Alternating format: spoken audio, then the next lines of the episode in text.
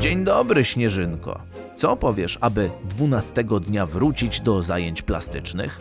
Stwórzmy świąteczne figurki, ale tym razem z plasteliny. Brzmi fantastycznie.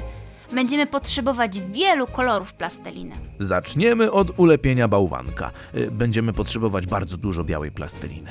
I trochę czarnej i pomarańczowej. Y, m- Możemy też dać mu kolorowy szalik i czapkę. Y, Jak myślisz, jakie kolory powinniśmy wybrać? Myślę, że czerwony szalik i zielona czapka będą wyglądać naprawdę uroczo, Mikołaju. Y, A co powiesz, Śnieżynko, na ulepienie jeszcze reniferów i, i, i, i choinki? Świetny pomysł. Śnieżynko, nasze plastelinowe prace są gotowe. Bałwanek, renifery i choinka prezentują się wspaniale. Dokładnie tak, Mikołaju.